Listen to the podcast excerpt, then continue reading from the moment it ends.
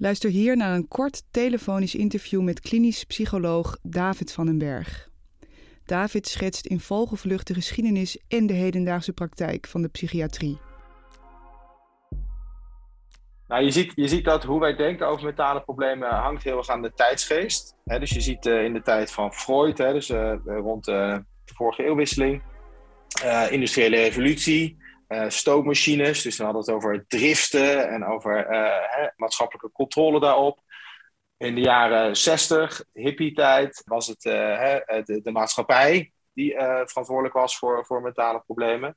Je ziet de jaren 80, 90 hebben heel erg. Uh, we kregen een computer, uh, we konden gaan rekenen. Uh, ontvonden in de, in de psychologie heel erg soort van computerachtige modellen over, over mentaal functioneren. En in de psychiatrie kwam toen heel erg de biopsychiatrie op. We gingen het, het brein begrijpen. Ja, er waren psychiaters die op dat moment op tv zeiden van.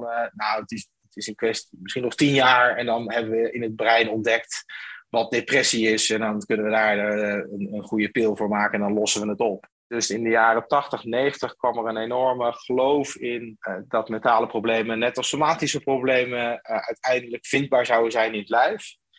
Nou, daarvan kun je wel zeggen dat is mislukt. Maar wij dachten het, dat het hele homogene groepen waren. Dus dat iedereen met depressie of autisme of, of schizofrenie heel erg op elkaar leek. Inmiddels weten we iedereen met schizofrenie is anders. En, daar zitten ook andere oorzaken achter. En mensen hebben andere ervaringen. Uh, dus je ziet eigenlijk dat waar de GGZ nu zo langzaamaan naartoe aan het bewegen is, is meer richting complexiteitsmodellen. Uh, en nu zie je dat we ook met algoritmen en zo aan de slag gaan. Met big data en met uh, machine learning, et cetera, achtige modellen. Dus dat is, het is ook wel de tijdsgeest. En ik weet zeker dat we over 30 jaar weer anders over denken. Maar op dit moment vind ik zelf wel dat dat een goede beweging is. Dat we in ieder geval gaan omarmen. Elk mens is uniek. Mentale problemen zijn bij iedereen anders. En uh, we moeten complexiteit erin omarmen. Autisme uh, ja, is eigenlijk dus een verzamelnaam voor een, set aan eigenschappen die iets te maken hebben met je sociaal-cognitieve vermogens vooral. Het vermogen om sociale interacties aan te gaan, maar ook uh, je sociale gerichtheid, of je wel minder of, of meer op andere mensen bent gericht. Um, in communicatie, in, in um, flexibiliteit van denken, maar ook in bijvoorbeeld het filteren van informatie, het integreren van informatie. Um, en je moet het eigenlijk zien als een soort schuifpaneel met allemaal uh, schuifjes, waar we allemaal op die dimensies hoger of lager scoren. Feitelijk is het een soort spectrum waar je eigenlijk ook niet een soort onderscheid kunt leggen tussen waar houdt normaal zijn op en waar zou autistisch zijn beginnen. Um, uh, en dat gaat deels om eigenschappen die ook uh, soms juist heel waardevol kunnen zijn. Ja, maar het, is, het gaat dus wel, het is een beetje van alle, alle, mentale problemen. Ik spreek vaak over mentale psychische problemen. Is autisme een van de problemen die we onder de ontwikkelingsproblemen scharen. Um, waarbij we eigenlijk zeggen dat zijn wel grotendeels eigenschappen die wel een beetje van, van geboorte al, van nature een beetje bij je horen. Schizofrenie, um, ik vind het echt een rot woord, maar het is eigenlijk eh, de term die wij gebruiken voor langdurige psychose.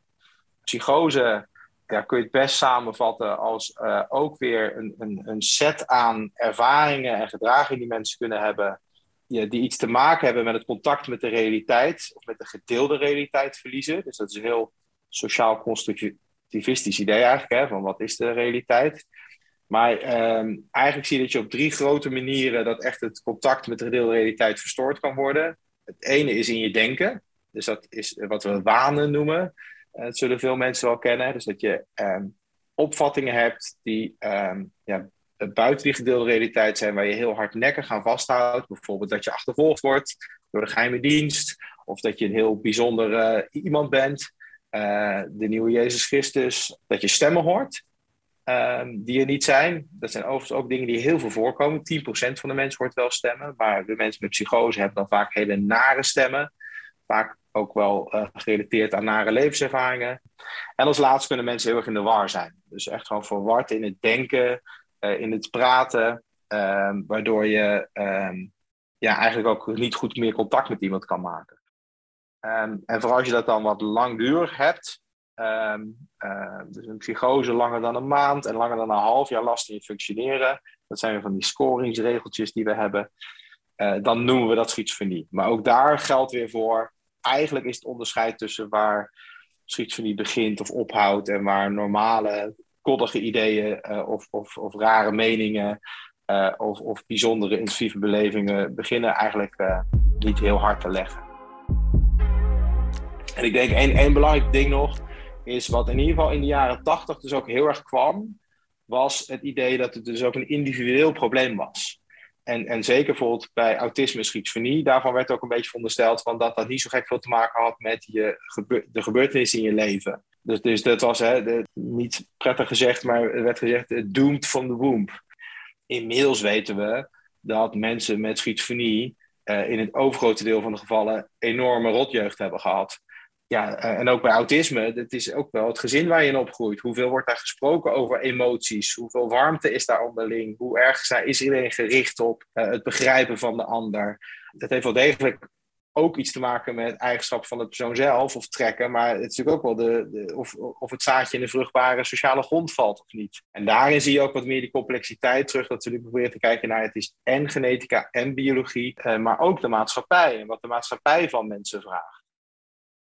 Uh, ik weet niet veel over, uh, over de schrijver, maar het type kliniek waar hij beland zal zijn. En in ieder geval ook waar de, de Hebriana of het personage in dit toneelstuk zal zijn geweest.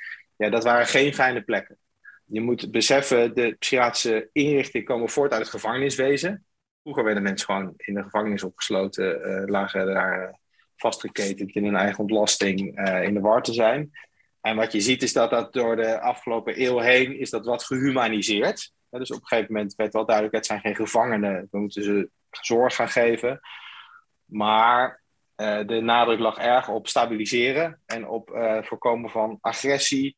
Dat was een soort van de tijdgeest dat uh, men dacht, het is een ziekte en die moeten we onderdrukken en stoppen. Ja, en ik, je kan er wel van uitgaan dat in de jaren tachtig ja, dat daar dat dat een, een zeer traumatische uh, omgeving is geweest. Traumatiserende omgeving.